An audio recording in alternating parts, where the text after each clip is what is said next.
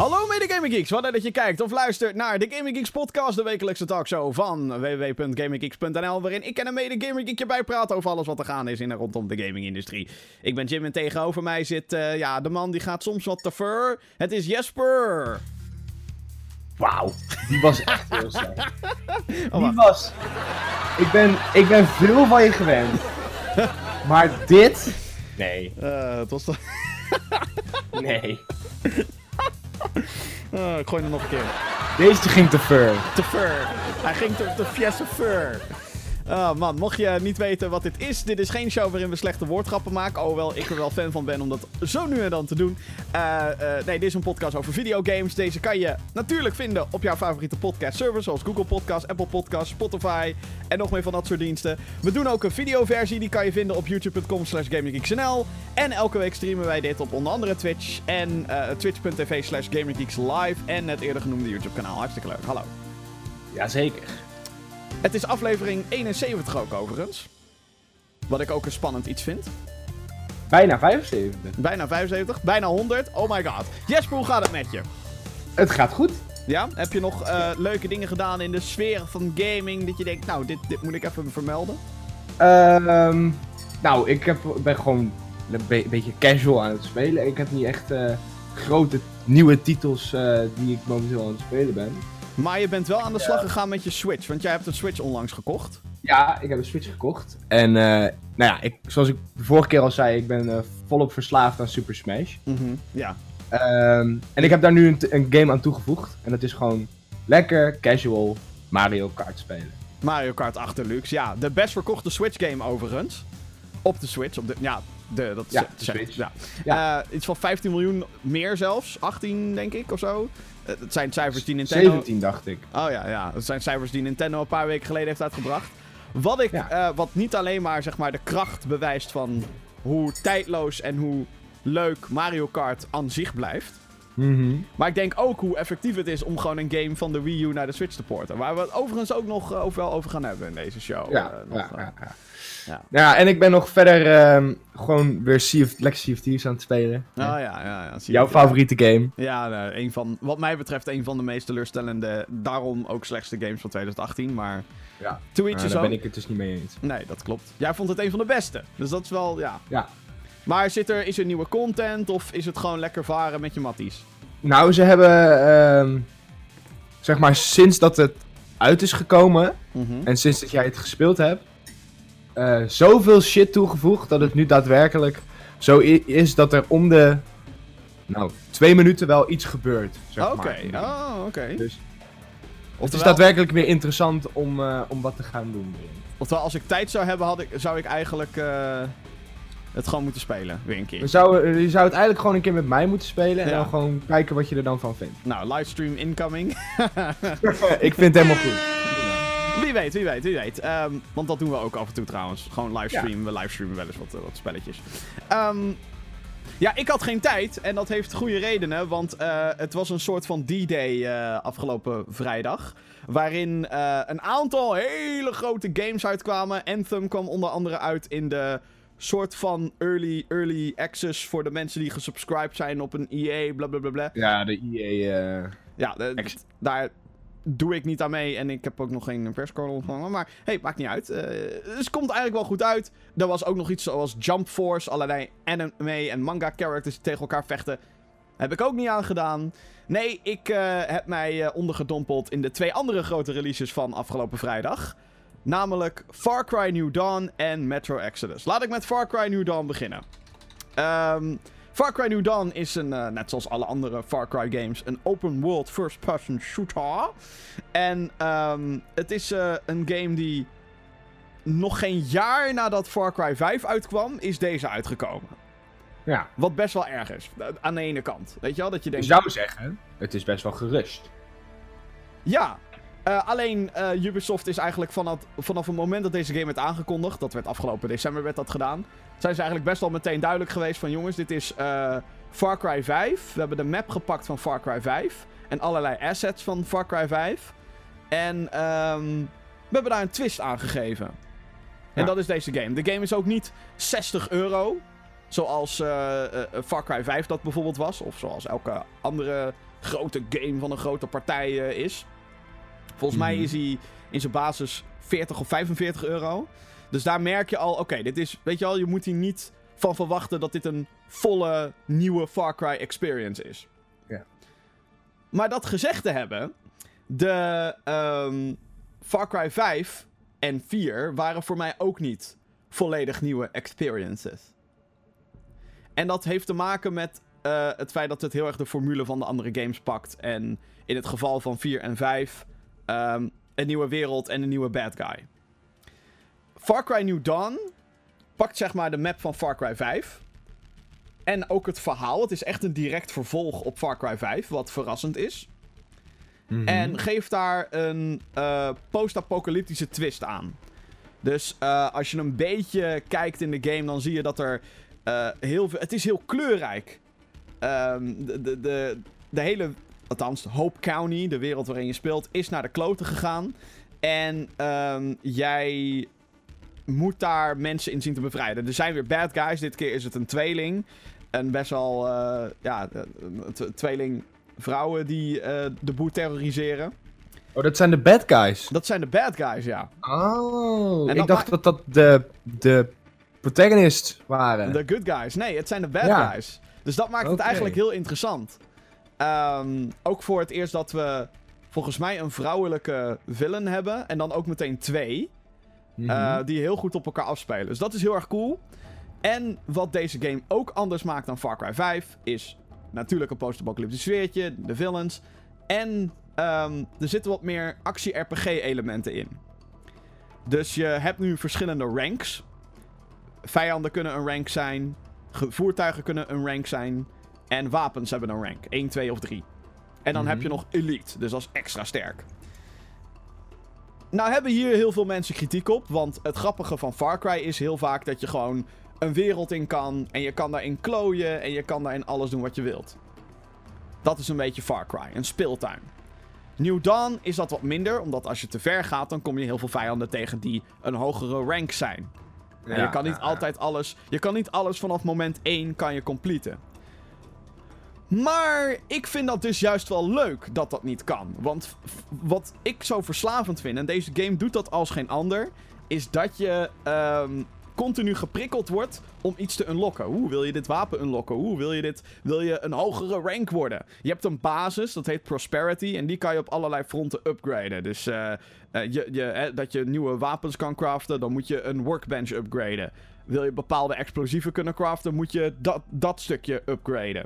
En dat doe je allemaal door missies te doen of eh, eh, schatten te vinden in de wereld. En, en je hebt ook perks, dus abilities voor jouw personage. En al die dingen, al dat soort...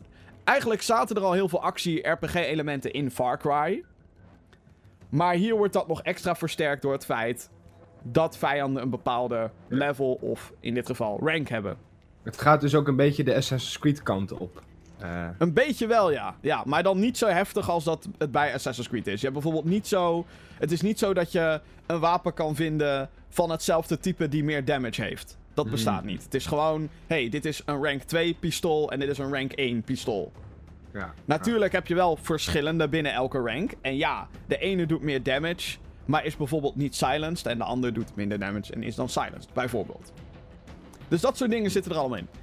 Ik vind het verrassend hoe leuk dit was. Want ik dacht, in eerste instantie dacht ik, weet je, Far Cry 5 vond ik leuk.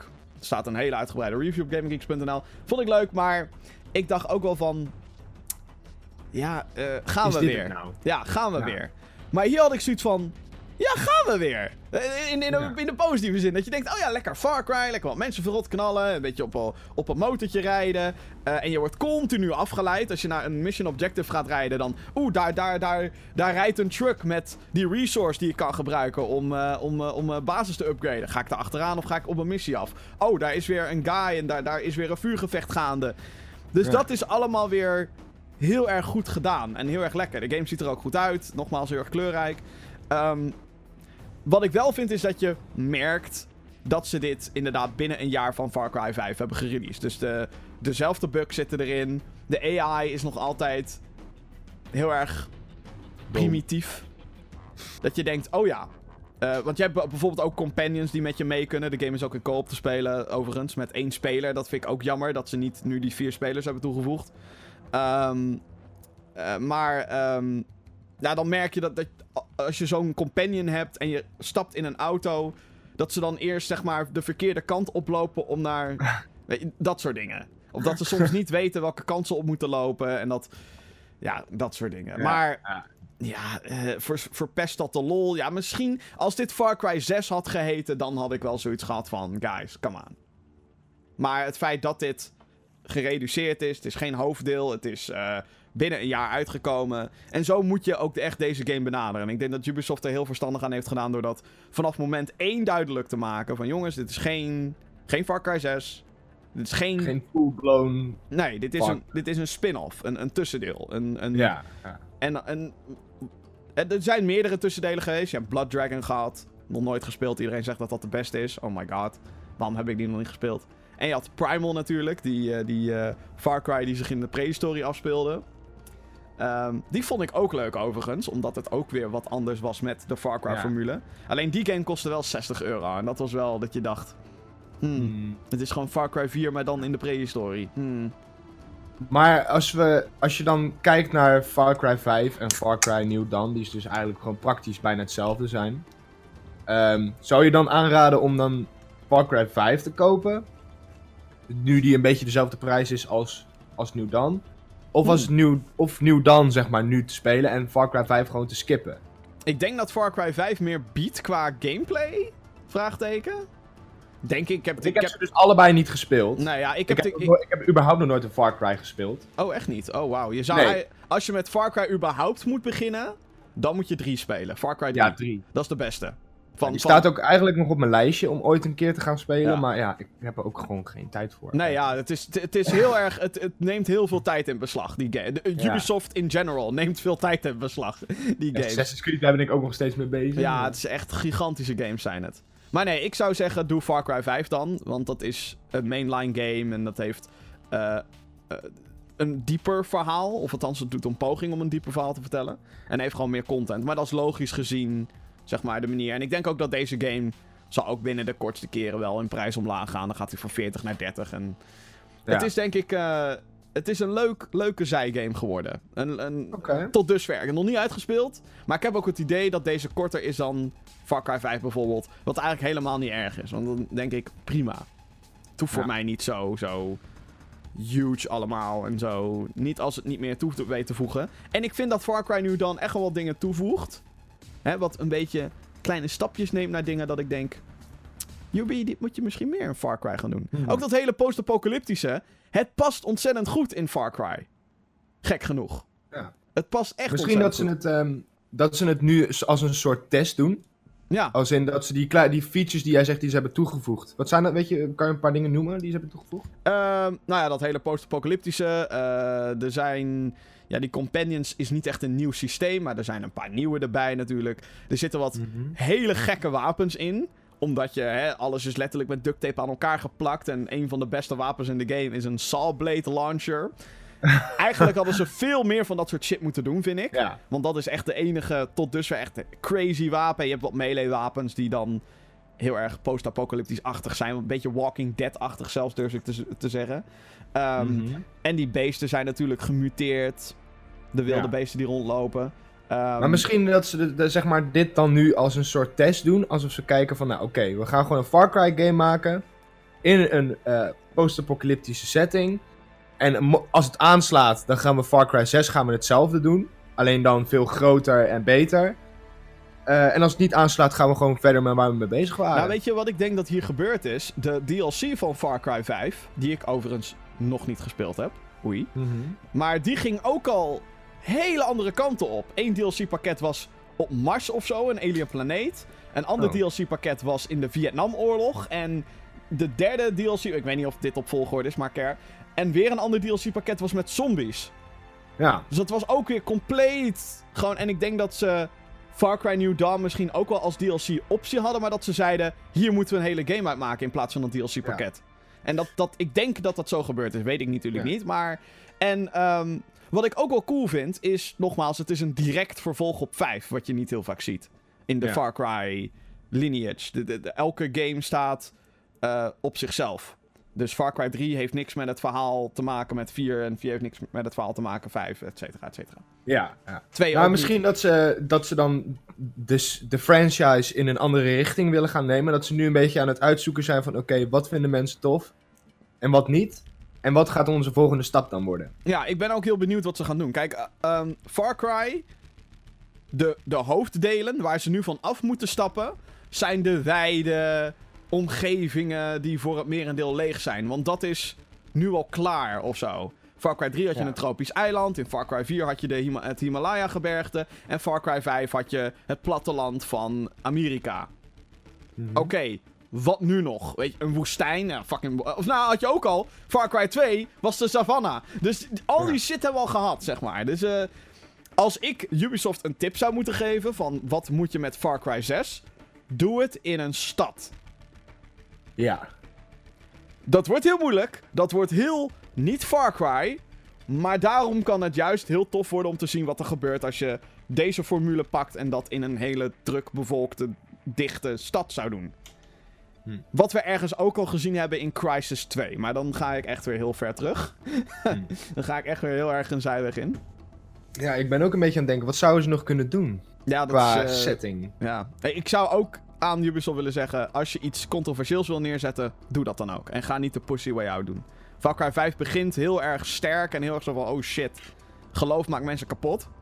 Althans, dat is de Mhm. implicatie die ze doen, maar gaandeweg de game doen ze een beetje pussy daarover en blijven ze een beetje. Ze durven niet meer chockerend te zijn of zo erin. En dat, je moet niet chockerend zijn om chockerend te willen zijn, maar wel om het, een punt binnen het verhaal, dat is ook belangrijk, binnen het verhaal te maken. En Een statement. ja, Far Cry 3 is daar overigens briljant in, want die, nou goed, je hebt waarschijnlijk wel eens van die bad guy gehoord, Vaas. Ja, van Paas inderdaad. Die man is gewoon gestoord en dat is zijn motief.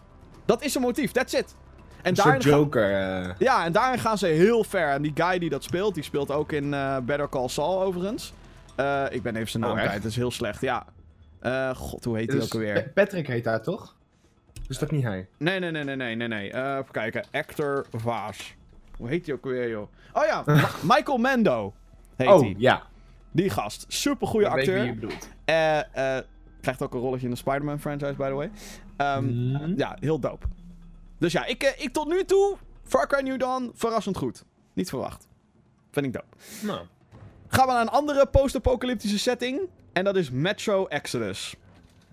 Ja, dames en heren, de game die eh, de afgelopen paar weken vooral in het nieuws kwam. In het gaming nieuws. Omdat het... ehm, eh, de, de PC-versie komt alleen uit op Epic Game Store. Dat was nogal een dingetje. Blijkbaar. Eh, niet op Steam. De game werd eh, op een laatste moment van Steam soort van afgehaald. Van, ah, we gaan exclusief op Epic Game Store. Maar ik heb hem eh, afgelopen avond een paar uurtjes gespeeld. Metro Exodus is het derde deel in de Metro-serie. Dat is een serie gebaseerd op een boekenreeks. Een Russische boekenreeks die gaat over een wereld die compleet naar de kloot is gegaan door een nucleaire oorlog. En ehm, de laatste overlevenden leven in de metrohallen van Rusland, van. Moskou. En jij speelt dus als een gast die ehm, daar al bijna zijn hele leven woont. Of volgens mij zelfs zijn hele leven al. En Metro Exodus zet de gewaagde stap om naar buiten te gaan. In, eh, in Metro 2033, dat was deel 1, en Last Light ging je ook af en toe al naar buiten.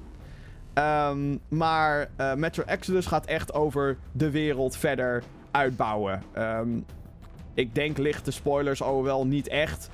In het begin van de game kom je erachter, oh shit, we zijn niet de enige overlevenden. Er zijn gewoon gebieden waarin je zonder gasmasker kan rondlopen. En Ja. wat de hel? We, we, we moeten de wereld ontdekken, jongens. Een beetje dat.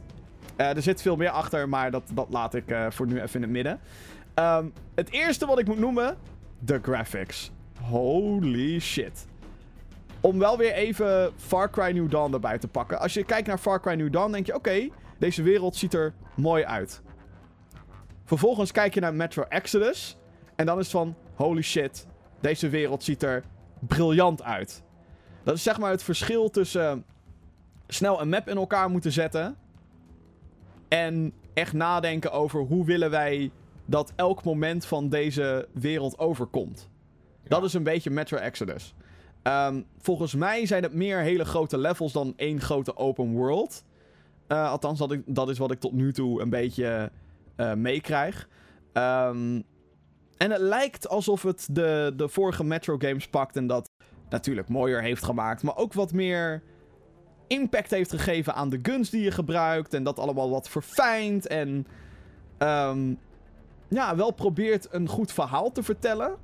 Alleen is het wel zo dat soms de voice acting en het animatiewerk en het sounddesign daar een beetje wat te, wensen toelaat. Maar goed, um, ja, het is wel echt heel erg indrukwekkend. En het is heel lastig uit te leggen waarom. Het is zo'n game waarvan je denkt, oh ja, de sfeer is heel goed.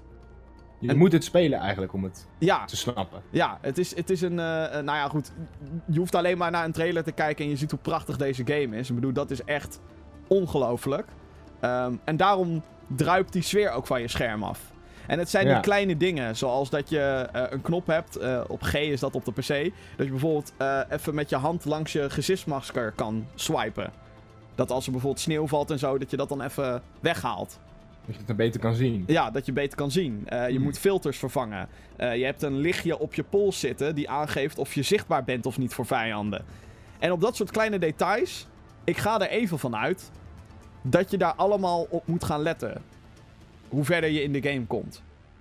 Hmm. Ehm, want, uh, nou goed, ik ben nu al monsters in metrohallen tegengekomen. Nou, dat is niet nieuw. Dat zit al ook al in de eerste twee games.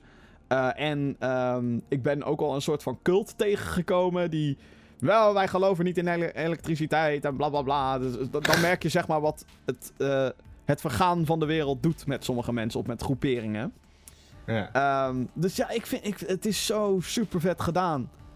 En het is zo. Je merkt dat dit met passie ontwikkeld is. Of zo. Ik, ik, ik kan niet echt mijn vinger erop leggen waarom. Hm. En dat komt misschien ook omdat ik die, een paar van die gasten heb gesproken op Gamescom. En die waren. Toen, toen draaide die game overigens echt voor geen meter. Um, nee, dat was echt heel slecht. Dat was echt gewoon 20 frames per seconde of zo.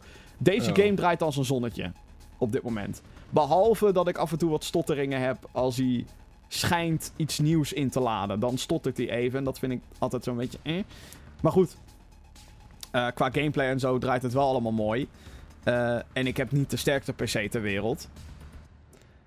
Dus het, ja, eh, ik ben gewoon heel erg onder de indruk op dit moment. Het is, een, ja. uh, het, het, het, is wel een aparte shooter. Het is denk ik niet een shooter die iedereen zomaar zal waarderen. Het, het is wat meer Um, het is heel erg veel focus op, op, op. Je moet je in deze. Je moet je inleven in de wereld. Dat is denk ik de kracht. Maar ook een soort van vereiste voor de speler.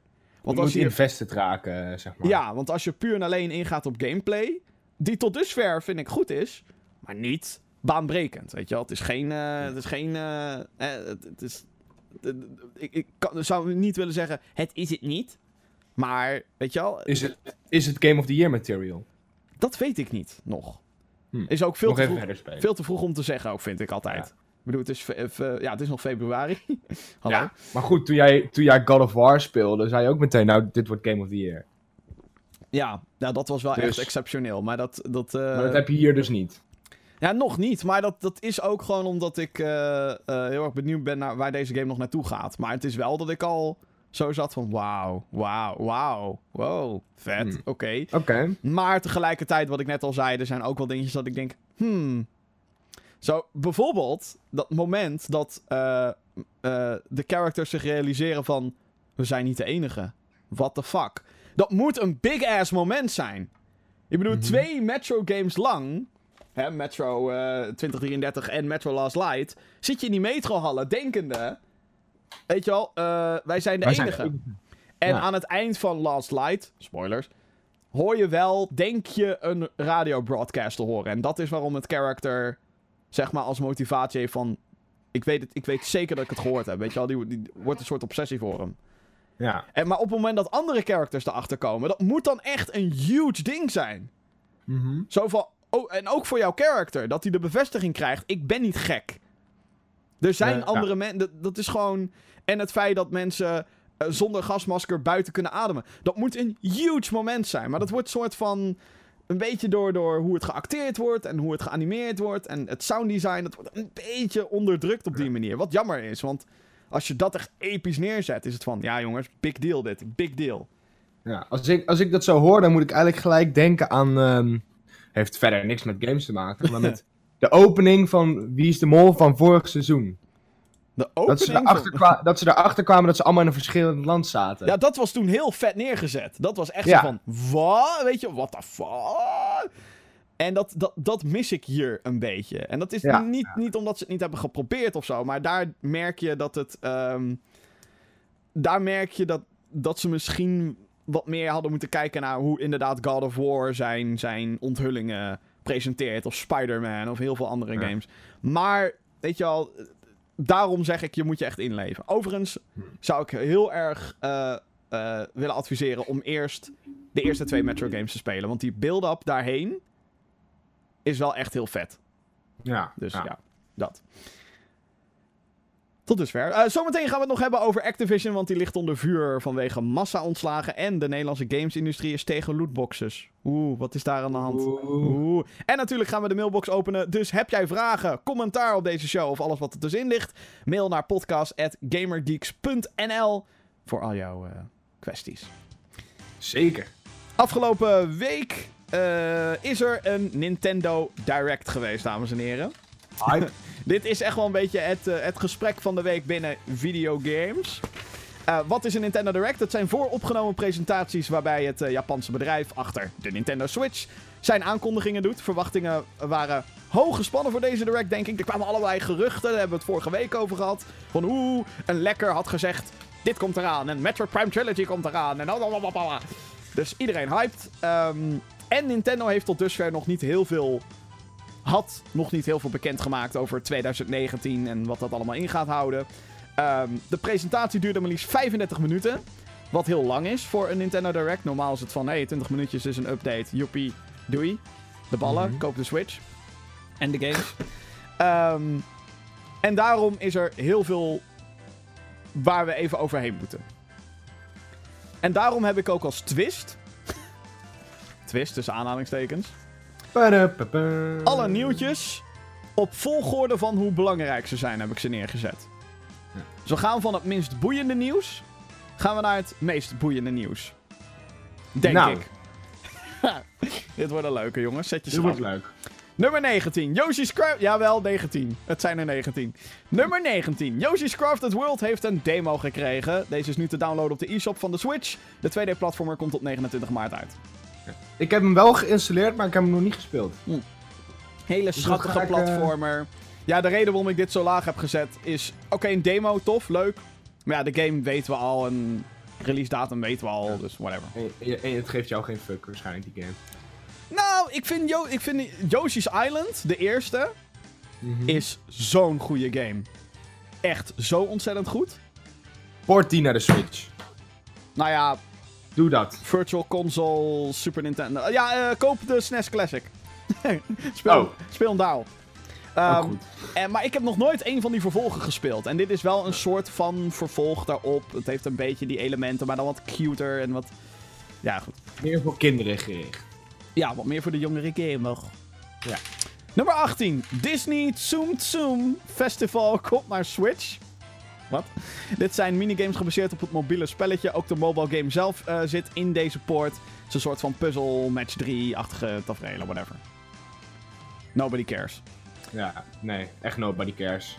Nummer 17, Starlink Battle for Atlas krijgt in de lente een update waarbij Star Fox personages Peppy the Hare, Falco, Slippy, Toad en de leden van Star Wolf een hoofdrol in gaan spelen.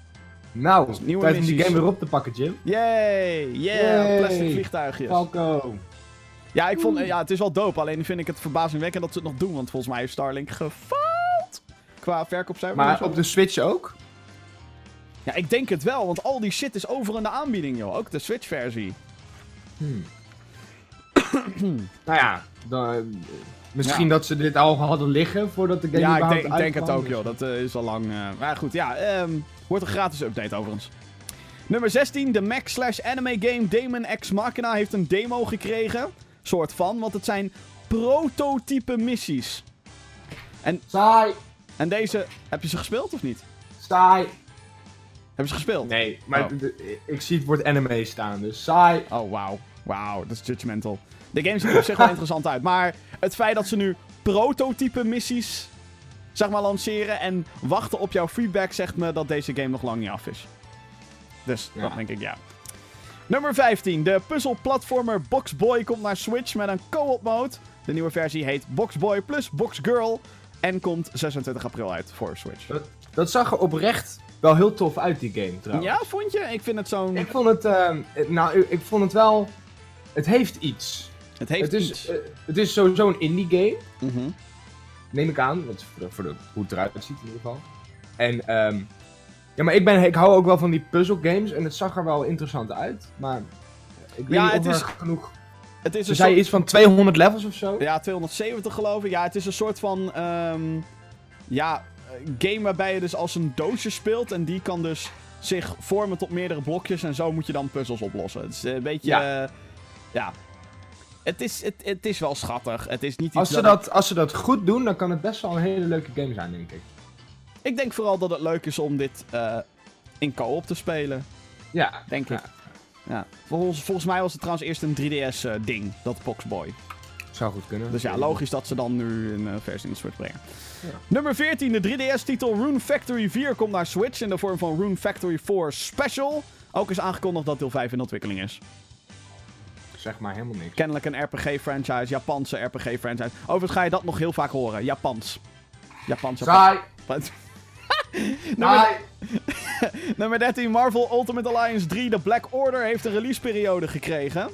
Eh, de eh, eh, zomer 2019, dat is wat ik zocht. Ja, Ja, de die actie, wil ik gaan spelen. de actie-RPG is een samenwerking tussen Nintendo, Marvel en Team Ninja. Die wil ik gaan spelen. Ja, het is eigenlijk een soort van hack and slash met Marvel characters. Fucking cool. Ga ik doen. Ga ik leuk. Oké. Ga ik leuk spelen. Ja, ga ik kopen. Sowieso. Gaan we dan samen ook hakken en zo? Eh, prima. Moet- je moet eerst nog eens een keer Super Smashen tegen mij. Oh ja, dat is waar. Dips op Spider-Man, by the way. Ehm, nummer 12. Captain Toad Treasure Tracker heeft een gratis update gekregen die co-op toevoegt. Tof. En op 14 maart komt er betaalde DLC die 5 levels en 18 challenges bevat voor de game. Nou, leuk. Nou, leuk voor de mensen die dat spelen. Vooral dat ze een, een Wii U-port nu gaan uitbreiden. Dat vind ik dan, Ja. zeg maar, dope. Grappig. Beter doen ze dat ook met Mario Kart. Ja, eigenlijk wel, hè? Moeten ze, ja, levels. misschien is het inmiddels gewoon te laat. Weet je wel, die game is al twee jaar uit, dus om dan nu nog DLC... Ja, Ja, maar ik, ik, ik ben het grote voorbeeld. Ik heb hem deze week nog gekocht. ja. Ik vind Dus wel- ze ik hebben het- mij... Ja. Ze hebben van mij 45 euro gekregen. Maak daar even een nieuw mapje van. Ik zou het ook helemaal niet erg vinden. Of gewoon nog meer eh, levels van oudere Mario Kart remasteren.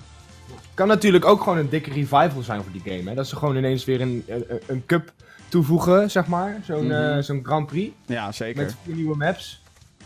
Ja, ik zou, ik zou er heel erg voor in zijn. Ik ook. Dus Maar ik denk dat ze gewoon heel veel nieuwe levels gaan maken en dan dat Mario Kart 9 noemen. ehm, Get all nee, ik denk dat ze... um, Als ze Mario Kart 9 gaan maken... ehm, moeten ze echt wel heel veel meer toevoegen dan dat er nu in zat. Denk ik. Nou, vooral qua... ehm, qua, characters. Want er zit, als je nu... ehm, zeg maar Mario Kart 8 op, opstart...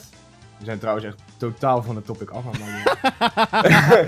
Als je nu Mario Kart 8 opstart, eh, zeg maar, er zijn echt. Nou, zeg maar. Hoe, hoe, hoe vertel ik dit? Zeg maar, elk karakter wat je speelt, je hebt, je hebt drie soorten karakters. Je hebt light, heavy Ja. en dan gemiddeld. Weet je wat Ze ze, voelen- terug moeten brengen?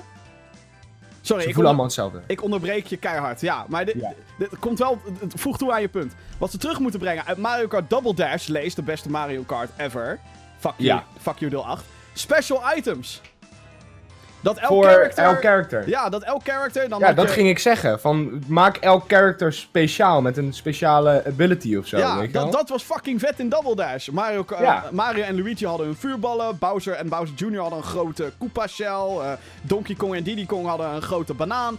eh, Yoshi en Birdo hadden een ei die mensen volgden en waar items uitkwamen. Dat was fucking vet, dat hele wie ga ik kiezen. Dat was zo cool.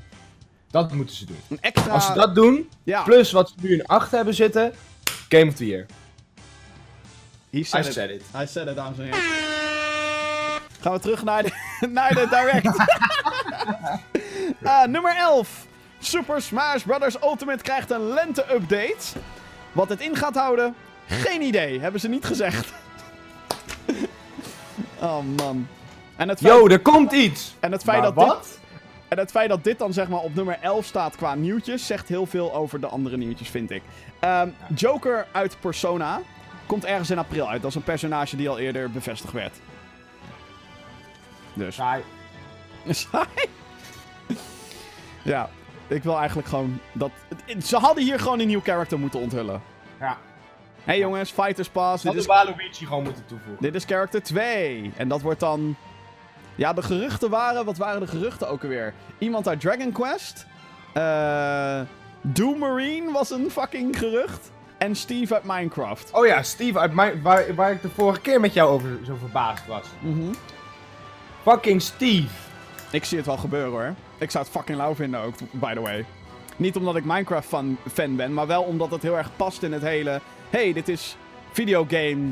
Ja. Eén grote hommage aan videogame geschiedenis inmiddels. Ja. Maar dan... Overigens, Piranha Plant, Ja? die zit toegevoegd. Fucking leuk karakter. Oké, nou mooi. Heb je hem al gespeeld of niet? Eh, nee, maar dat komt omdat ik nu voornamelijk nog... Ja, dit is heel slecht dit. Ik zit voornamelijk nog in, in de singleplayer dingetjes. Oh, en ja. eh, er was zo'n bug dat eh, als je Piranha Plant koos een bepaalde modi, dan kon dat gewoon je hele save file corrupten of zoiets. Ja, ja. Dus toen heb ja. ik dat een Nee, beetje... Dat was, dat was alleen in de minigames, geloof ik. Dat was in de reguliere Smash en in de, Classic Ehm, mode. Of niet en in de, de, de World of Light mode was dat niet. Oh, classic mode. Die speel ik heel veel. Ja, nou die ik dus ook. Gewoon lekker tegen AI. Weet je, weet, je wat, weet je wat het ook zo erg is? Als je zeg maar door dat hele scherm gaat, ik vind het dan zeg maar leuk om door dat scherm te gaan en dan te kijken hoe die announcer al die namen zegt. King K. Rool! Maar dat, kan, dat ko- kost je serieus gewoon 10 minuten van je leven om dat allemaal te doen. Luigi! Donkey Kong.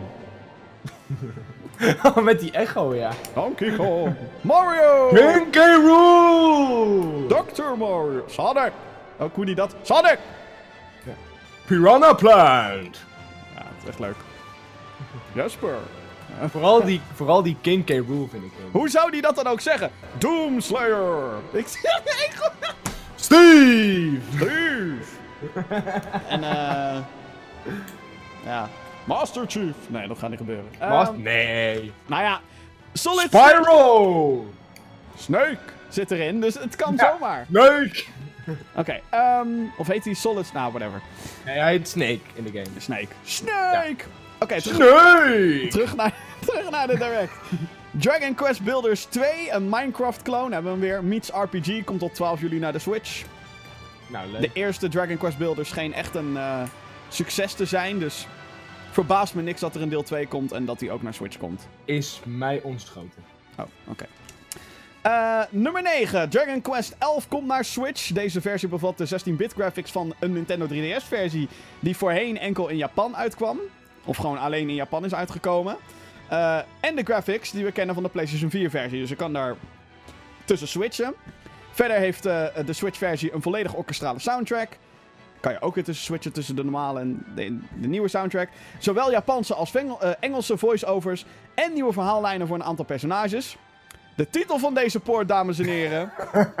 Dragon Quest XI S. Echoes of an Elusive Age. Definitive Edition. Ik, ik krijg echt vibes van zo'n zo'n zo'n YouTube kanaal uit 2005. Die dan Super Gamer NL X 2019 NL Gameplay heet. Het is bijna? Kingdom Hearts 2.8 Final Chapter Prologue. Tafereel.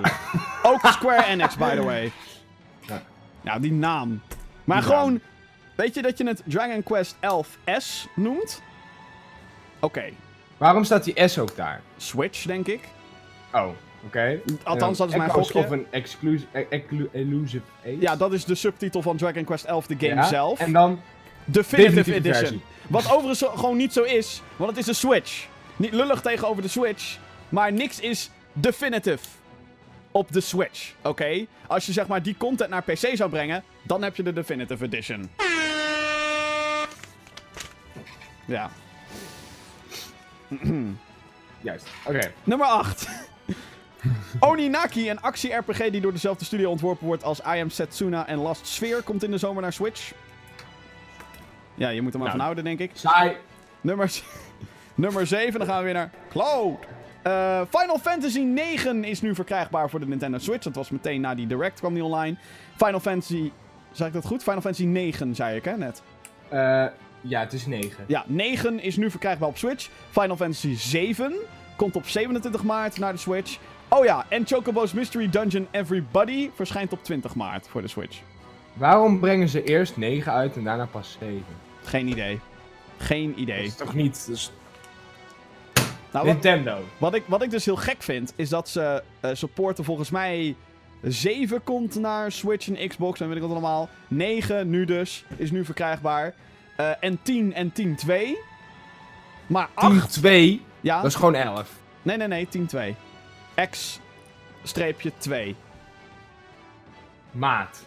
Ja, ik, I'm not dat is kidding. gewoon 11. Nee, Final Fantasy 11 is namelijk een MMORPG die niet meer bestaat. Er zit, ah, er zit ook weer geen logica in. Oké, laat Het is zeg maar... Ga maar verder. Nee, nee, nee, nee. Het is, dit, dit moet, dit moet... Dit moet... Dit moet... Ga verder, Jim! Nee, dit moet even... Dit moet uitgelegd worden. Het is namelijk videogamegeschiedenis dit. Kijk, Ja. elke Final Fantasy staat op zichzelf. Net, Ja. zo, net, eh, weet je wel, net als Far Cry, wat ik net uitlegde. Verhaal volledig apart. Eh, en elke Final Fantasy is dus zeg maar nieuw en anders. Dus je Ja. kan niet zeg maar komen met eh, ineens met hey, eh, Final Fantasy 16 is een vervolg op direct vervolg op 15. Dat kan je niet maken, dat kan niet. Dus toen, de tijd in de jaren 2000, hadden ze dus een vervolg gemaakt op Final Fantasy 10. Eh, die 10 wordt dan geschreven met een X, weet je wel, Romeins Mhm. cijfer. En dus Mhm. hadden ze die X-2 genoemd, 10-2. Ja. Dus dat, dat is het verhaal erachter. Maar- En 11 is een MMORPG. Waarom ze dat overigens ooit hebben gedaan, weet ik niet. Nu heb je dus dat er Final Fantasy 15 content in Final Fantasy 14 komt, omdat 14 een MMO is.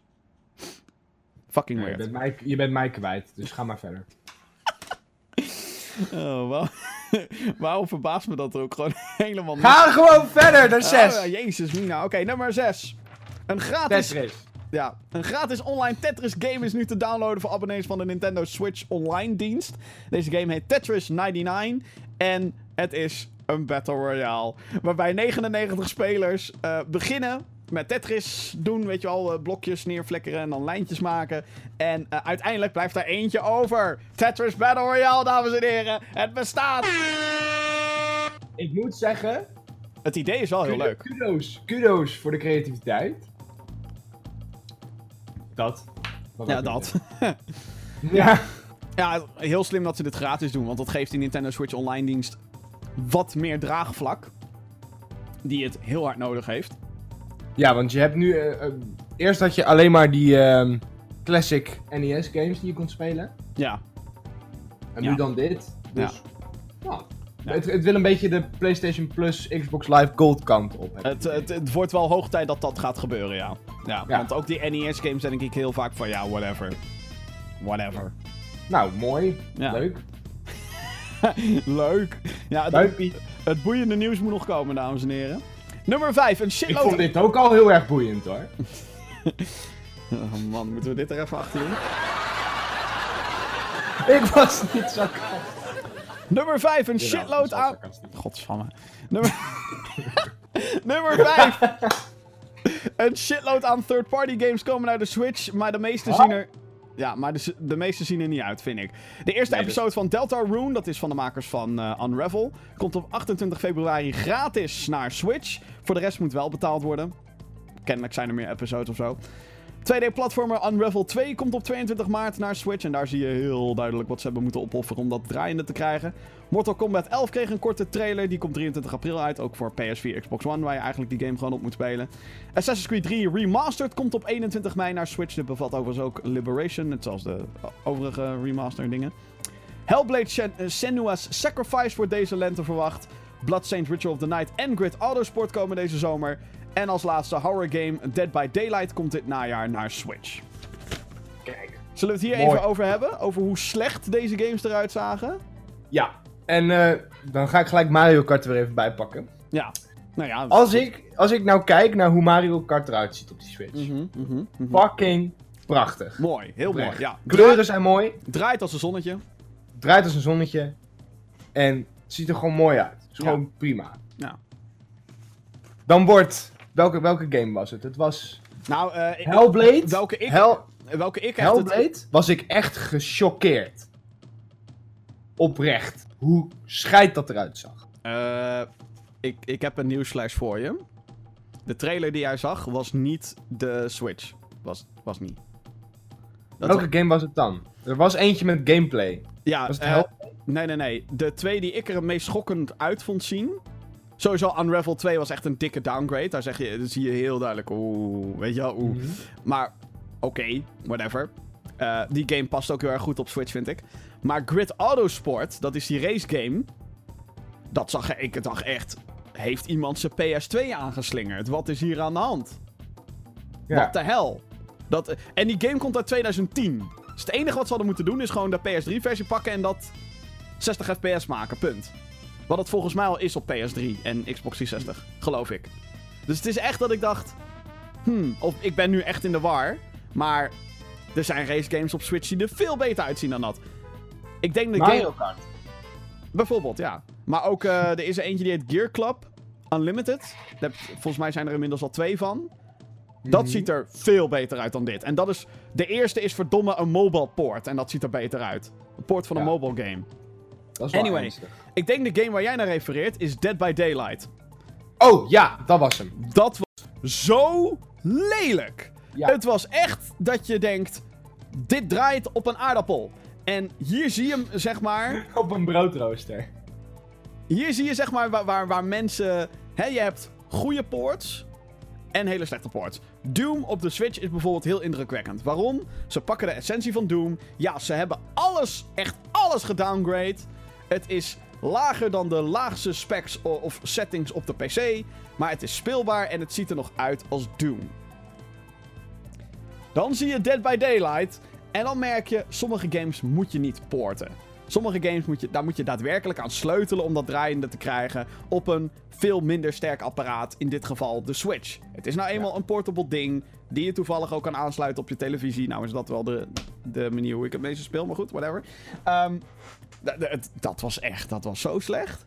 Ik dacht echt, wat, wat doen jullie? Cancel deze port, joh. Dit gaat toch niemand halen?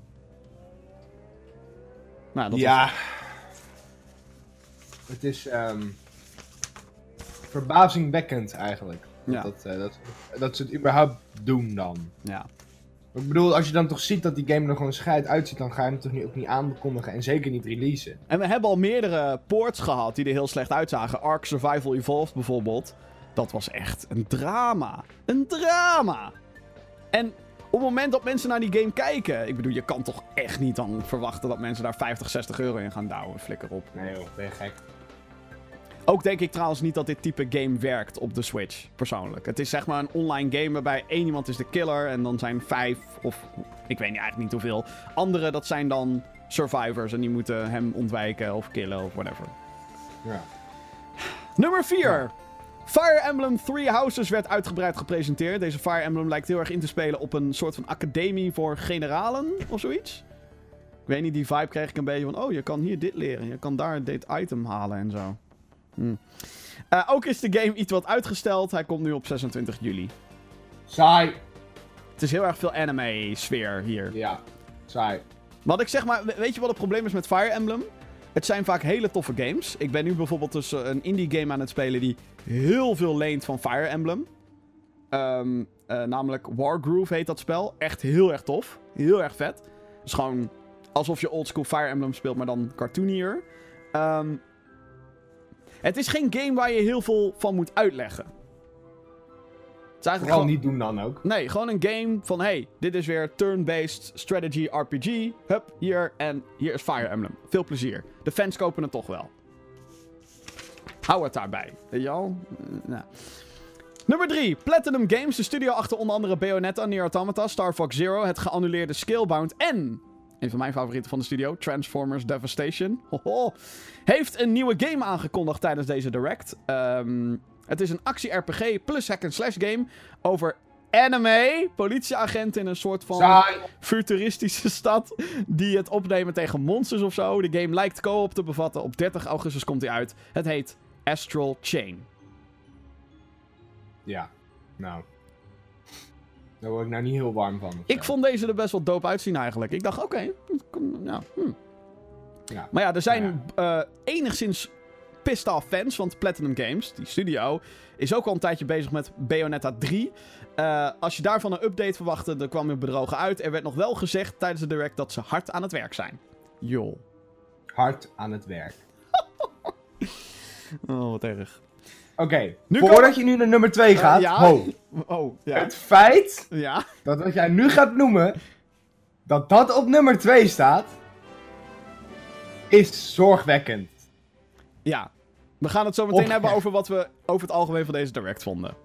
Maar je- go. merkt misschien wel aan de sarcastische toon dat wij wel zoiets hebben van. What the fuck. Oké, Dat dit op nummer 2 staat. nummer 2. Super Mario Maker 2 is aangekondigd voor de Nintendo Switch en komt in juni uit. Het lijkt alle fundamenten van de eerste game op te pakken. Oftewel, je kan levels maken in Mario stilo en die kan je in verschillende Mario stilo's maken. Super Mario Bros. 1 stilo, Super Mario Bros. 3 stilo, Super Mario World stilo en New Super Mario Bros. stilo. Oh my god. Ehm... Mensen maken echt te veel troll-levels in die game, by the way. Eh, het voegt het thema van Super Mario 3D World toe, wat opvallend is in een 2D-game. Inclusief de cat suits of cat power-ups, whatever. Verder kan je nu slopes toevoegen, zeg maar die dingen waar Mario vanaf kan sliden. Eh, de manier van scrollen, hoe snel dat gaat of wanneer het scherm gaat scrollen als je ergens loopt, dat kan je veranderen. Eh, je kan nu verticaal scrollende levels maken. Auto-scrollers noemen ze dat, dus dat het scherm sowieso gaat. Eh, en er zijn nieuwe vijanden en items toegevoegd aan de game. Nummer 2, Ik, eh, Super Mario Maker. ik, nou ja, dit, maar dit wordt een succesverhaal. Dit gaat miljoenen Ja. verkopen. Maar, het is Super Mario Maker 1. Twee. Met wat Oh. nieuwe dingen en hop, dat is Super Mario Maker 2. Wat ik me wel afvraag is wat ze gaan doen met al die dingen die gemaakt zijn in deel 1. Want echt, de, de fanbase rondom Super Mario Maker 1 is best wel groot. Maar kan je dat copy-pasten? Kan dat zomaar? In, in de prullenbak. Oh, dat, dat bedoel je met dat gebaar. In Oh, de prullenbak. oh wauw. Met, oh, met al die levels die gemaakt zijn bedoel je? Ja. Ja, in de prullenbak. Want er zijn allemaal nieuwe shit toegevoegd. Ik, ik- ja lijkt me... Nou ja, misschien dat ze het wel kunnen poorten. Zoiets? Dat ze... Maar dan moet je... Ja, ik... hmm. De, de vraag is natuurlijk, willen ze de moeite doen om een soort van systeem te ontwikkelen waarbij je naar... Ja, dat kan. Ja, Da- eh, dat je misschien, zeg maar, levels kan uploaden en dat vervolgens Super Mario Maker 2 die data pakt, interpreteert en dan weer in die game gooit? als ze het goed... Als ze het slim willen doen, doen ze dat wel. Ja. Ehm, maar ja. Nee, maar net de vraag of ze daar de tijd en energie in willen steken. Ja. Ik, ik ken bijvoorbeeld iemand die is echt diehard Super Mario Maker fan. Die heeft ook volgens mij nog geen Switch gehaald. En die zou ik van, ja weet je, als we een Super Mario Maker op Switch halen, dan, dan, dan pas ga ik een Switch Dan ga halen. ik hem halen, ja. En ehm, het is een game. Ik, nogmaals, ik vind het verba of nogmaals, ik vind het verbazingwekkend dat dit deel 2 is. Ik dacht ze gaan gewoon deel 1 poorten en klaar. Maar kennelijk eh, vernieuwingen en dat soort dingen. Dus deel 2. Nou, goed toch? Ja. Wat leuk. Nummer 1. Ja, ja, ja, ja, ja, ja. Ja, deze, dit is, dit is oprecht wel tof. Dit is Ja? oprecht hype. ja vind, Je, vind je dit leuk? Wacht Ja, even. Ik, moet even, ik moet even een muziekje hier voorbij eh, zoeken. Heus heb ik die niet klaarstaan. Want het is wel echt heel slecht. Ik heb gewoon geen. eh, Ja. Ja. De, de, beeld, We gaan even eruit voor de reclame. de, be- de build-up is real, dames en heren. Eh ja, ja, ja, ja. reclame. Ja, ja, ja. Sluikreclame. Echt sluikreclame. Product placement. Ja, ja, ja. Oké, oké, oké. Ja, ja, ja, ja, ja, ja. Ja, ja, ja, ja, ja, ja. Oké, dames en heren. Nummer 1. Jesper komt terug. Ja, oké. Nummer 1. The Legend of Zelda Link's Awakening krijgt een remake op de Switch. En komt dit jaar nog. De vierde titel in de Zelda-franchise was de eerste op de Game Boy, het originele Link's Awakening dus. Eh, de game heeft een unieke stijl en lijkt verder alles van het origineel over te nemen. Helemaal dikke prima. Leuk. Helemaal dikke prima. Prima. Ja. Ja, ik vond Ja, dit wel echt heel dope. Dit Ja. zat trouwens ook in de geruchten, die van tevoren helemaal eh, werden gehyped. Van, oh, een 2D Zelda-game. En ik dacht, oké, ja, logisch, hè. Na Breath of the Wild ga je niet nog een 3D Zelda-game maken, denk ik. Maar, dat ze dan een remake gaan maken van Link's Awakening. Als in de eerste eh, Game Boy... Dit, dat was mijn eerste Zelda-game, by the way. Mhm. Mijn eerste Zelda-game ooit was op de Game Boy, Link's Awakening. Dus voor mij is het echt gewoon... nostalgie. En het was zeg maar zo'n moment. eh, die trailer begint namelijk met een oceaan en dat soort dingen. En ik zat met iemand anders te kijken. En ehm, op het moment dat zeg maar de oceaan zichtbaar was... Zeg maar een stormende golven was het allemaal... Toen zat ik al, holy shit, het is Link's Awakening. Het is Link's Awakening. Ja, ja, ja, ja. het is echt... In de verte hoorde je de sirenes al. Ja, het was echt hype voor mij. En het is... Een hartaanval. Heb jij, heb jij überhaupt wel eens van deze game gehoord? Is het een... Eh, nee. Maar eh, nadat ik het zag, ben ik wel even gaan googlen. Oké. Dus ik weet wel ongeveer hoe de originele game eruit zag. Ik ben wel heel erg benieuwd hoe ze deze game zeg maar gaan uitbrengen. Want Link's Awakening, nogmaals, Game Boy spelletje van toen de tijd, is volgens mij best een hele korte game. En van wat ik tot nu toe in de trailer heb gezien, is dat ze letterlijk gewoon dingen één op één hebben overgenomen. Dus gaat dit dan 60 euro kosten, Nintendo? Misschien dat ze, het gewoon, dat ze gewoon zeggen van... Yo, we hebben de originele levels gepakt. En nog een shit ton toegevoegd. Ja, maar dat is het wel. Dat denk ik dat ze dat Althans, gedaan ik, ik hoop dat ze wat. Ja, ik weet niet of ze wat toevoegen. Kijk, als het aan mij ligt, gaan ze zelfs het verhaal veranderen. Ik weet niet of dat verstandig is. Hmm, dat... hmm, hmm. Want, Als je eh, zegt dat het een remake is, dan moet je eigenlijk het verhaal hetzelfde houden. Maar als je zegt dat het een reboot is, Ja. dan Hmm. mag het van mij wel. Kijk, weet je wat het namelijk het probleem is qua. En natuurlijk, Zelda speel je niet per definitie om het verhaal? Vraagteken, denk ik. Tuurlijk wel. Ja, ook wel, hè? Ja. Eigenlijk wel. Hoewel het elke keer wel hetzelfde eindigt, soort van. Maar eh, Link's Awakening zit in de titel. Het is een droom. Het is allemaal een droom. En dat zeg maar, vind ik zo'n stomme, stomme. Ik weet niet, ik vind het zo'n. Dus als ik Link met een vuurzwaard op een draak wil laten rijden, terwijl die tegen een mega grote Bowser gaat vechten, dan kan dat. Dat is een droom. Nou, de grap is dus. Is dat in Link's Awakening, zowel deze remake als in de Game Boy. Zitten ontzettend veel referenties naar Mario. Er is een, eh, een character die zeg maar een hele grote neus heeft, een dikke snor. En van paddenstoelen houdt. Er is, een, er is een chain chomp. Er zijn Goombas. Dus het Oh. is, eh, de- je kan een Yoshi-poppetje ergens winnen. Dus het is heel erg. speelt heel erg met dat idee. Maar Ja. ik weet niet, zeg maar, om- omdat het algemeen bekend is dat het allemaal een droom is. Ik weet niet of je dan dat plot misschien een beetje zou moeten veranderen om, om het wat heftiger te maken allemaal. Maar we gaan het zien. We gaan het zien, ja. Ja, ik heb er heel veel zin in. En, en wat ik ook heel dope vond. Ja, ik ga weer even. eh, en dit vond ik zeg maar het vetste moment in die hele trailer. Ehm, en en dat, dat geeft ook een beetje aan hoe sterk eigenlijk het origineel is. Op een Game Boy, notabene. Eh oh, hier, announcement trailer. Het heeft namelijk te maken met een klein, een klein soundbiteje aan het einde. En dat is een van de hoofdthema's van het spel. Even kijken hoor. Eh, oh, oh, oh.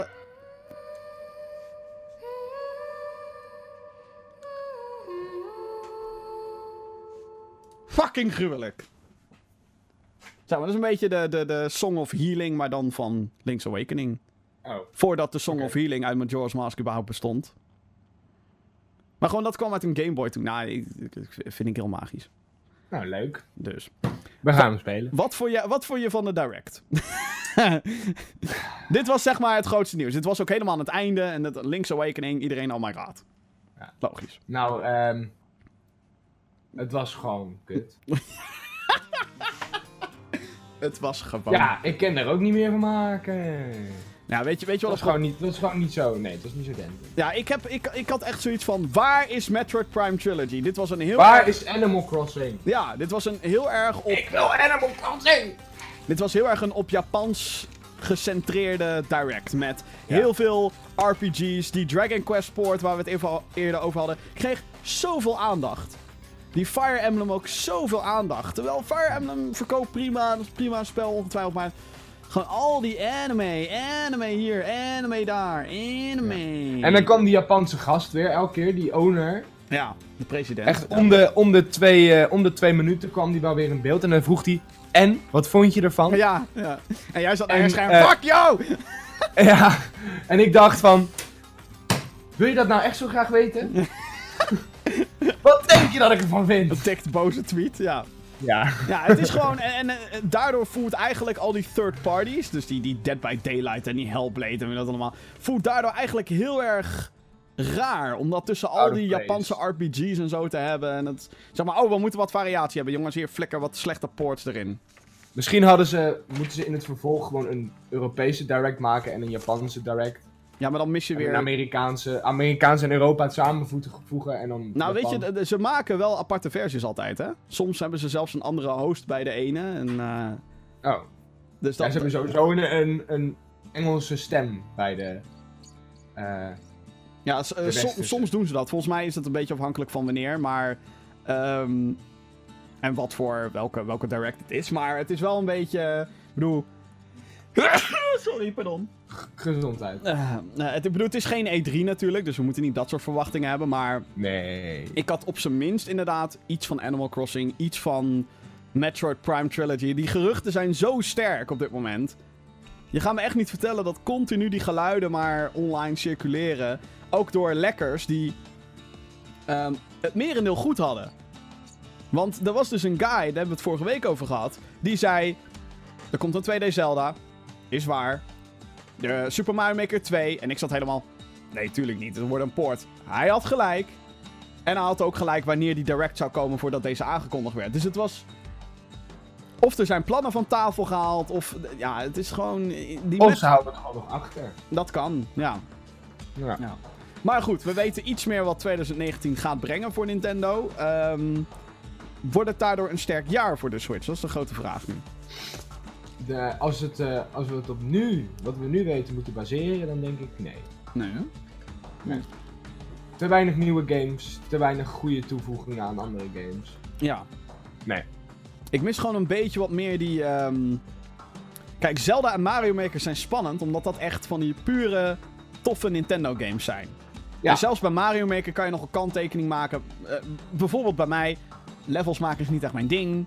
En eh, al die troll, super moeilijke levels, ik heb daar het geduld niet voor. Dus voor mij is dat al dat ik denk, hm, weet ik niet.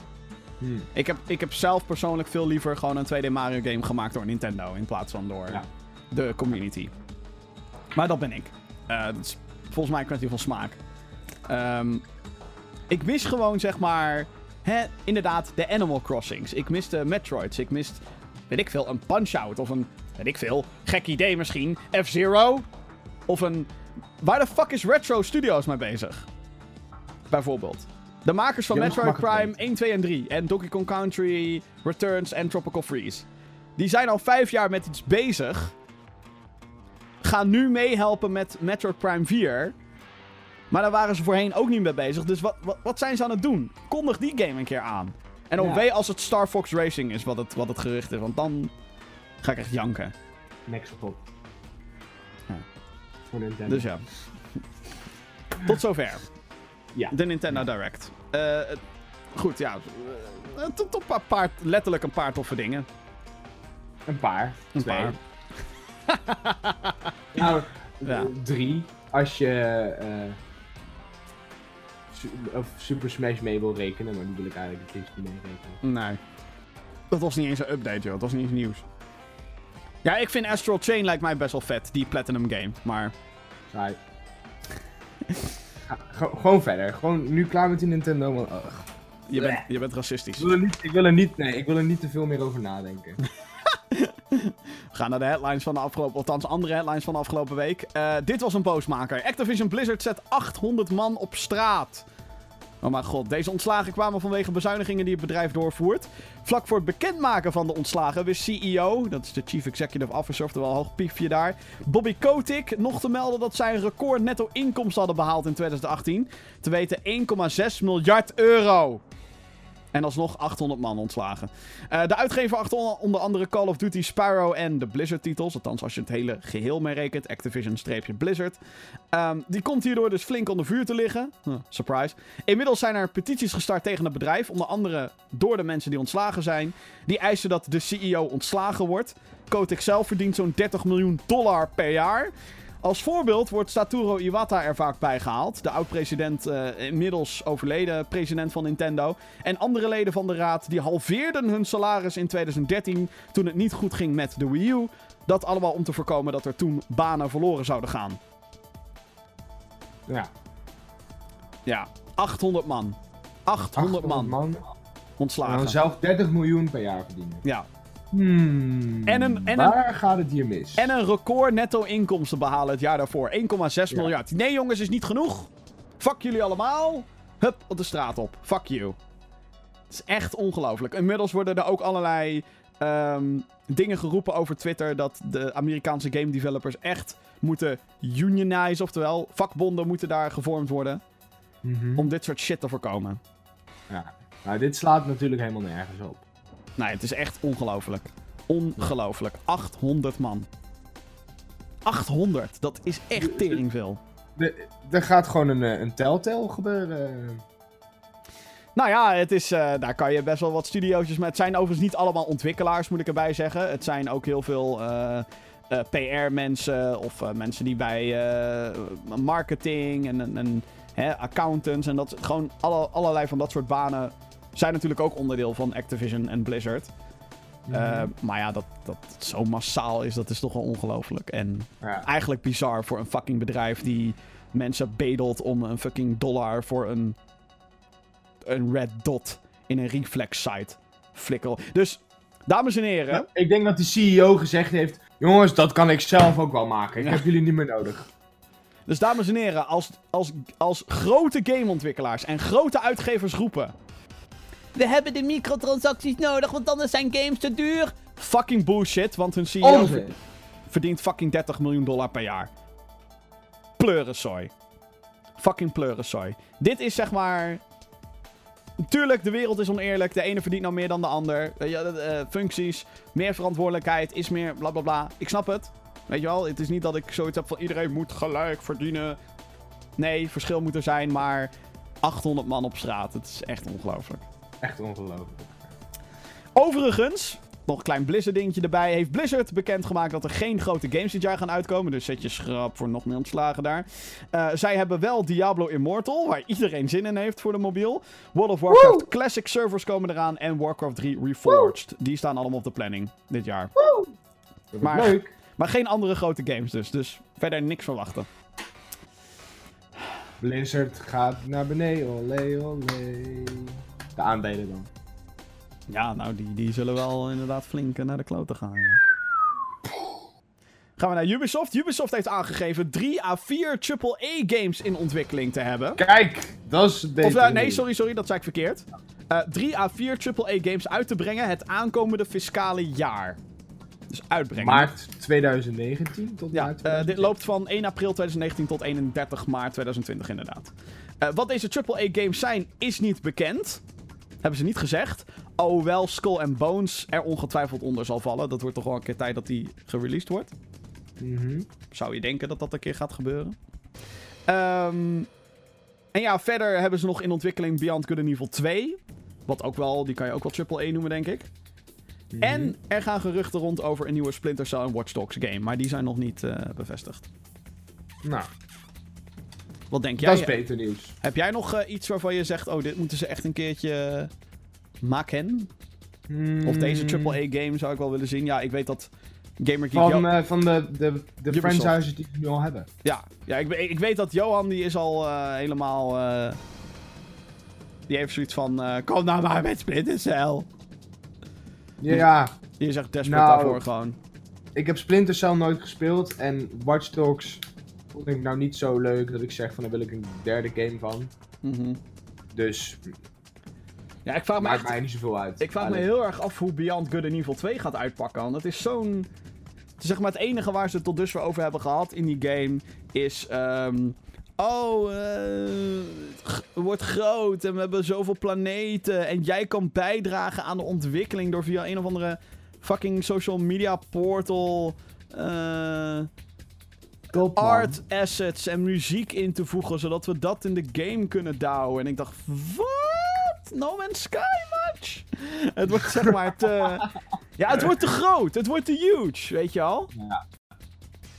En zeker als je dan allemaal zooi van random artiesten in een game gaat proppen. Dat, dat kan gewoon niet goed gaan, zeg maar.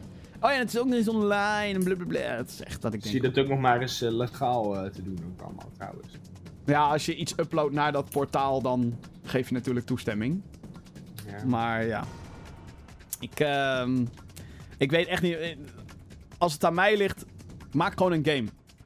Maak Ja. gewoon Beyond Good and Evil 2. Klaar, punt. Whatever. Go. Hou op met je gekke ambities en... Ja, verder, weet je, ik, ik zou het tof vinden als Rayman eh 4 gewoon een keertje komt. Maar of dat dan AAA is. Oeh, Ja.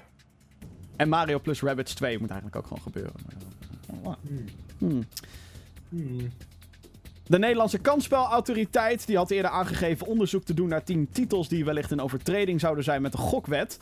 Dit vanwege de gigantische ophef over lootboxes. Je weet wel, Star Wars Battlefront 2 en oh, iedereen over de zeik. Alhoewel deze games nooit zijn aangegeven, is de kans heel groot dat de eerder genoemde games, eh, of ja, eerder genoemde eh, Star Wars Battlefront, eh, ongetwijfeld, FIFA, eh, PUBG, eh, die zullen daaronder vallen. Voor het eerst bemoeit de Nederlandse game-industrie zich nu met de lootbox-discussie. De Dutch Games Association, een organisatie die voor een gezonde Nederlandse game-industrie wil zorgen, heeft een statement uitgebracht waarmee zij de discussie willen openen met de kansspelautoriteit. Wat volgens de eh, kansspelautoriteit schadelijk is, is dat de inhoud van de lootboxes verhandelbaar zouden zijn. De Dutch Game Association wil nu de definitie van verhandelbaar duidelijk hebben. Wat betekent dat? Dat je officieel dingen mag verhandelen of niet officieel? Of waar dan? Met echt geld of met vrienden binnen een game? Wat is nou verhandelbaar? De Nederlandse gamesindustrie is het er zeker over eens dat lootboxes niet moeten worden meegenomen in games die minderjarigen als primaire doelgroep hebben. Het hele statement van de Dutch Games Association is overigens te lezen op GameGeeks.nl. Wat hier... Ik eh, vind het goed dat ze dit doen. Ja, wat hier natuurlijk heel opvallend aan is, is dat dit eh, de eerste keer is dat de Nederlandse gamesindustrie, die natuurlijk niet.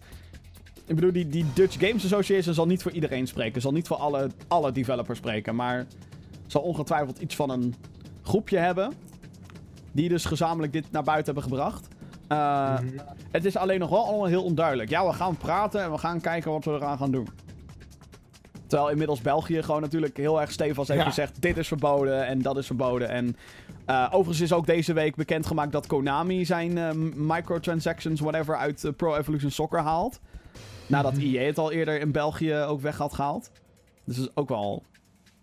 Je ziet zeg maar steeds vaker dat de ophef toch wel voor actie zorgt. Ja. Nou, en terecht. Ja, Fuck lootboxes, echt. Met Jij- heel mijn hart. jij bent volgens mij vooral heel erg pissig dat het Star Wars Battlefront heeft verpest, of niet dan? Ja, gewoon, gewoon van alle games. Van alle games. Want die game, oprecht, is nu gewoon superleuk. Maar gewoon niemand speelt het. Nou, Omdat dat is toch niet waar? slechte reputatie heeft. Dat is toch niet waar? Wat? Nou, Nou, laten we zeggen, eh, het heeft niet zijn potentie ge, ge- ja, waargemaakt die het had. Zeg Ja. maar. Ja. Door die lootboxes. ja, dat is waar. Ja, ja. Oké, eh, gaan we heel snel naar de mail. Podcast.gaminggeeks.nl. Dat is het adres waarbij eh, jij eh, je, je vragen, dan wel commentaar kwijt kan. Of alles wat er tussenin ligt. Nogmaals, mail. Podcast.gamergeeks.nl. Mail, wanneer je dit ook hoort, ziet, luistert, blablabla. Allereerst krijg ik een mailtje van medegeek Johan. Leuk, eh, Delta Rune is Undertale, niet Unravel. Zei ik Unravel? Van de makers van... Oh. Correctie. Oeps. Deltarune is van de makers van Unravel. Nee, fuck! Nu zeg ik het alsnog Van. Undertale. Van, Van- Undertale. Deltarune is van de makers van Undertale. Niet Ja. Unravel. Oké. Ja, ik heb, ik heb het goed, ik heb het goed. Denk ik, soort van. Ja, het is ook zo. Undertale, Unravel klinkt allemaal hetzelfde. Maakt niet uit. Bedankt Johan voor de verbetering. Ja. Ah, Ruben die heeft gemaild. Hey Jesper en Jim, ik had een vraag over Call of Duty Black Ops 4. Veel mensen klagen erover dat er veel te weinig content updates zijn en dat de Black Ops Pass eh, de minste content, he- content heeft in de geschiedenis van COD. Vooral eh, klagen mensen erover dat Blackout het verwende kind is van Treyarch. En dat ze de zombies en multiplayer zijn vergeten. Mensen zijn dus al de game zat, doordat er veel te weinig updates eh, zijn. En er nu al leaks uitkomen voor Call of Duty Modern Warfare 4. Wat vinden jullie van de lack of content updates in BO4? En valt er nog wat te redden? Hmm, Kijk, dit is een unieke situatie, want ehm, normaal is Call of Duty, was Call of Duty, best wel een voorspelbaar product. Je had een campaign, je had een multiplayer en je had zombies. Dat waren de drie pijlers. En dan had je een season pass, die voegde zombie maps toe en multiplayer maps. En wapens. En, wauw, ja, ook wapens? Nou ja, goed, ja. Ja, wapens. en wapens. Oftewel, de hele community gesplitst. Continu. Nu zitten we Ja. natuurlijk in een aparte situatie in dat Black Ops 4 geen eh singleplayer heeft, geen campaign, maar wel Blackout. En je zou denken dat ze uit Blackout, die Battle Royale meuk, dat ze dat langer willen laten volhouden dan een jaar. Overigens blijkt het zo, of schijnt het zo te zijn, dat Modern Warfare, of de nieuwe Call of Duty, waarvan we nog niet officieel weten of dat Modern Warfare 4 wordt of niet, maar die gaat een campaign krijgen, waarschijnlijk. En waarschijnlijk Nice. dus geen Battle Royale mode. Denk ik. Dus Hmm, als ik zie hoe dat Blackout nu eh, loopt, denk ik niet. Nee. Dus waarschijnlijk is de focus vooral op... hey, Blackout, dat moet soort van blijven. En ja, voor de rest is het natuurlijk wel gewoon een beetje... zombies en, en multiplayer. Ik vind het persoonlijk leuker dan Blackout. Want ik ben gewoon niet zo'n Battle Royale fan. Dankjewel Apex Legends, want dat is mijn favoriet. Halleluja. Ehm, dus ja, ik ben niet zo in de Call of Duty scene dat ik zoiets heb van... Oh jee, ze doen te weinig. Ik bedoel, ik vond het al tof dat ze Nuketown eindelijk erin deden. En dat ze een nieuwe specialist, een nieuw character hebben ze erin gedaan, volgens mij. Ehm, je kan niet verwachten dat dit zeg maar hetzelfde gaat worden als een Overwatch. Omdat ze hun resources moeten spreiden. En het is natuurlijk zo dat ze jou uiteindelijk wel een reden moeten geven om in november of... Oh, gezondheid. Zo. Om in november en oktober jou weer de nieuwe Call of Duty te laten kopen. Dus ze hebben van tevoren... Dit is iets wat ze al lang van tevoren uitplannen. hey, we hebben eh, de- deze drie pijlers. In dit geval Battle Royale, zombies en de normale multiplayer. Competitive, whatever. Eh, daar hebben we een Season Pass voor. Die kost fucking 50 euro. Daar krijg je eh, zombie maps voor en multiplayer maps. En dat is het. Dat is een beetje hun plan. En zeker als je dan nu iets hebt als Blackout. Waarvan mensen juist nu veel meer van verwachten. Dat daar veel meer updates in komen en veel meer dingen. Dus het is eigenlijk logisch. Kijk, weet je, als jij de enige bent die een bepaalde mode speelt. Ja, dan is het logisch dat een developer ook zoiets heeft van. Daar gaan we geen geld meer in stoppen, want veel te weinig spelers. Ik zeg niet dat er te weinig spelers zijn in die multiplayer en zombies. Ik weet het niet. Maar ja, het, het, het lijkt me dat de meesten die Black Ops 4 spelen naar Blackout mode gaan. Lijkt me. Ik niet Of- persoonlijk. En multiplayer. Ik denk multiplayer en Blackout. Ja. Kijk, die zombies is heel erg... Ik, ik vind die zombies mode echt heel tof. Alleen... Ja, het, het is gewoon heel anders dan de rest van de game. Ja. Ehm, dus ja, eh, Blackout is niet het verwende kind. Het is gewoon een mode waar heel veel prioriteit naartoe gaat. Dat is zeg maar wat, waar nu... Als mensen nu roepen op Twitch Call of Duty... is dat waar ze naar refereren namelijk. Dus dat is heel Ja. belangrijk voor hun merk. Dus ja, en dat er leaks uitkomen voor Call- de nieuwe Call of Duty... is logisch, want elke Call of Duty game is, heeft drie jaar ontwikkeltijd. Dat moet eind dit jaar weer uitkomen. Dat is gewoon een trein die continu moet doorrijden. Die heeft even een klein stopmomentje en dat is in de zomer. En zelfs dan worden er volgens mij nog tournaments gehouden en komt er nog een laatste map pack uit of whatever. En soms brengen ze zelfs DLC uit voor nog oudere Call of Duty games, zoals die Zombies Chronicles in Black Ops 3 of zo, terwijl we al bij World War 2 zaten, weet ik het wat allemaal. Dus ja, het, dit, eh, het is heel lullig, maar zo gaat het nou eenmaal. Maar goed, hè, 800 man ontslagen. Dan krijg je dat. Eh, even kijken, ik krijg een mailtje van welke games zouden jullie een remastered of remake willen? Eh, dit is natuurlijk wel een, een remaster en een remake zijn twee compleet verschillende Ja. dingen. Je hebt zeg maar een remaster, zoals Metro Redux. En je hebt een remake, zoals Resident Evil 2. Hm. Dat zijn twee hele fundamenteel andere dingen. De Nou, Metro... laten, we, laten we dan allebei eh, pakken. Dus één remake en één Hmm. Eh, remaster. Voor mij een remaster Assassin's Creed 4. Black Flag. Want die vond ik echt super leuk. Zou ik me echt super leuk lijken om die op een. Nou, bijvoorbeeld op de Switch te spelen. Of gewoon nog op mijn PC. Want die game heb ik echt helemaal kapot gespeeld. Maar waarom, En- waarom wil je dan een remaster? Want dit is dus deze generatie nog, Assassin's Creed 4. Goeie vraag. En we Oh, gewoon de kritische oh, de graphics even wat omhoog. Oh, oké. Gewoon Dat. even de graphics omhoog. Ja. Ja, gewoon dat hij dat die er een beetje mooi uitziet. En een rema- een remake, eh, de originele Star Wars Battlefront 2. Je zou zeggen dat het al gebeurd is en dat ze dat hebben verneukt, maar Nee, maar door dezelfde studio. die bestaan Die niet de meer. eerste ook heeft gemaakt. Dat bestaan, die bestaan niet meer. I don't care. Ja. We, we roepen gewoon al die mensen bij elkaar en gaan we maken. God. Ik, ik, ik financier het wel. Oh my god. Oh my god. Je weet dat je over... Nou, whatever. Nou, dat is, wel- Hij vroeg, hij vroeg niet of het echt mogelijk was. Het was gewoon dat is waar, wat dat, is waar, daar heb je gelijk in. Oké, ehm, een remake Jazz Jack Rabbit. Of Abuse.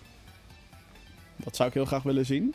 En eigenlijk de remaster die ik altijd al had gewild, die komt er al aan. Dat is Blood, een 90s first-person shooter. Die wordt al ge, gepoord zeg maar, naar moderne PC's door Night Dive Studios. Daar ben ik super blij mee dat ze dat gaan doen. Als ik nog een andere zou moeten kiezen. Hmm. Hmm. Hmm. Goeie vraag. Dat was een remake wat je nou zei, of remaster. Een remake Jazz Jack Rabbit. En een remaster? En... Ja. Resistance. Sony Resistance Trilogy. Hoppakee. Bam. 1, 2 en 3. Op PS4. 60 fps. Bam. Oké. Oké. Done deal. Nou, Vervolgens vraagt hij ook nog wat vinden jullie van Jump Force. Geen idee. geen idee. Niet mijn ding. Anime, manga, fighters. eh, Saai. eh, Het wordt echt een dingetje bij mij. Zodra het woord anime valt, ga ik gewoon saai zeggen. ik, eh, het, het wordt de titel van deze podcast. Anime Saai. is saai. Gaming gaan we geen vrienden maken, denk ik. Gaming Clickbait! Yeah boy! Clickbait! Oh man. Oké, ehm, dan gaan we naar de releases van aankomende week. Nou, godzijdank, daar zijn we niet heel veel mee bezig, want de grote stortvloed aan releases in februari is al geweest. Aankomende week maar liefst drie, denk ik, significante titels op de releaselijst. Op 19 februari, Yakuza Kiwami op PC Steam. PC-release van de remaster van de eerste... eh, Nee, weer remaster. Van de eerste Yakuza game. Je speelt hierin als een Japanse gangster in een stad waarbij keiharde pakken slagen kunnen worden uitgedeeld. En geinige minigames ingespeeld kunnen worden. En Nu denk de je- grote vraag is, de grote vraag is, is het een anime? nee, Ja, oké. dit is oprecht een leuk spel. Zeg maar, de actie is keihard. De- Als je iemand in elkaar mapt daar, denk je echt van... "Yeah", weet je dat? En de, en, Ja. Maar verder is het een grote parodie op zichzelf. Met al die gekke minigames en zo. Dat is super grappig. Oké. Dat is echt wel heel cool. Eh, 22 februari komt eh, Aragami Shadow Edition naar de Nintendo Switch. Een Switchport van een 3D stealth game waarbij als een ninja speelt die heen en weer kan teleporteren. En op 22 februari de release van Anthem. De nieuwe looter shooter van BioWare en EA. In deze game speel je als een personage die in een javelin kan stappen. Dat zijn Iron Man-achtige pakken waarmee je rond kan vliegen, schieten en verschillende abilities eh, kan inzetten. Afhankelijk van welke je kiest. Deze game komt uit op PC Origin, PlayStation 4 en de Xbox One. Hype. Ja, ik heb hier ook best wel veel zin in, ja. Oh mijn god. Ik kan nog even genieten van die ontzettend goede soundtrack. 22 februari. 22 februari, dames en heren. Dat is minder dan een week op het moment dat wij... eh, Vijf dagen. Vijf dagen nog. Anthem hype. Ja, Hype! echt ongelooflijk hype, ja. Ja. Ja, ja, ja, ja, ja, ja, ja. Wacht even, even. De briljante soundtrack van Anthem, dames en heren. Oh, ik heb zoveel zin in die game. Ah. Dit soort shit is gewoon geniaal. Oké, ehm ja, dan zijn we bijna aan het einde gekomen van eh, de 71ste aflevering van de Gaming Geeks podcast.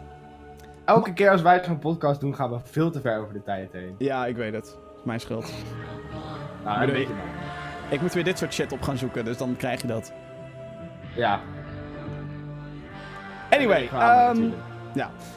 Mocht je dit enigszins leuk vinden, dan zou ik eh, je aanraden om eh, andere video's van ons te checken op GamingGeeks.nl. We hebben onder andere een Fortnite Monopoly of Monopoly Fortnite unboxing gedaan. Met onder andere ook Jesper. En mij. En Vincent. En Jordi. Oftewel één grote chaos. Waarom heb jij een lepel in je handen? Je, je weet nooit wanneer je een lepel nodig hebt. Kijk, ik dit zie is mijn ineens... theeglas. Oh, dit is mijn theeglas en hier zat mijn lepel in. Oh, oké. Ja, ik dacht al, waarom zie ik ineens een lepel? eh maar goed. Ehm, jij hebt een impressie gemaakt van Apex Legends. Ja, Videootje, je weet wel. Die best wel populaire Battle Royale game. En eh, er komen meer video's aan. Ik ben ook druk bezig met reviews en dat soort dingen. Dus eh hou gaming.nl in de gaten. de Fortnite Monopoly Let's Play. Ja, die komt er ook nog aan. Ja, we Die hebben ook komt er een ook nog aan. Oh. Dat wordt leuk. Oh, oh. Dat wordt echt leuk. Ja, dat wordt wel echt heel tof. Denk ik. Ik heb geen idee. Ik ben het niet aan het monteren, dus eh, is niet mijn Ik ook niet. Dus. Goed, ehm, ja, dames en heren, bedankt eh, voor het kijken dan wel luisteren. Eh, onthoud, volg ons op alle social media kanalen op GamerGeeksNL. Zowel op Facebook, Instagram en Twitter, GamerGeeksNL. Twitch kanaal, eh, daar streamen we dit elke week ook live op. Twitch.tv slash GamingGeeksLive. En abonneer op ons YouTube kanaal via youtube.com slash. Daar is de videoversie van deze podcast op te vinden. En eh, als je wil weten waar deze podcast in zijn audiovorm op te vinden is, dat is natuurlijk via Google Podcast, eh, Apple Podcasts of iTunes, hoe ze dat tegenwoordig ook noemen. Spotify, daar zijn we ook op te beluisteren. En voor alle info, gamergeeks.nl. Goed, Jesper, dankjewel weer. Ja, geen probleem. Dit was podcast, eh Gamer Geeks podcast, aflevering 71. Tot de volgende keer. Later. Wat vind je van anime? Saai. Wauw.